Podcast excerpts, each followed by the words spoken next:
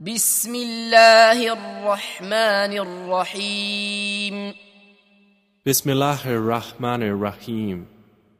ألم تر كيف فعل ربك بأصحاب الفيل Have you not considered, O Muhammad, how your Lord dealt with the companions of the elephant? ألم يجعل كيدهم في تضليل Did he not make their plan into misguidance?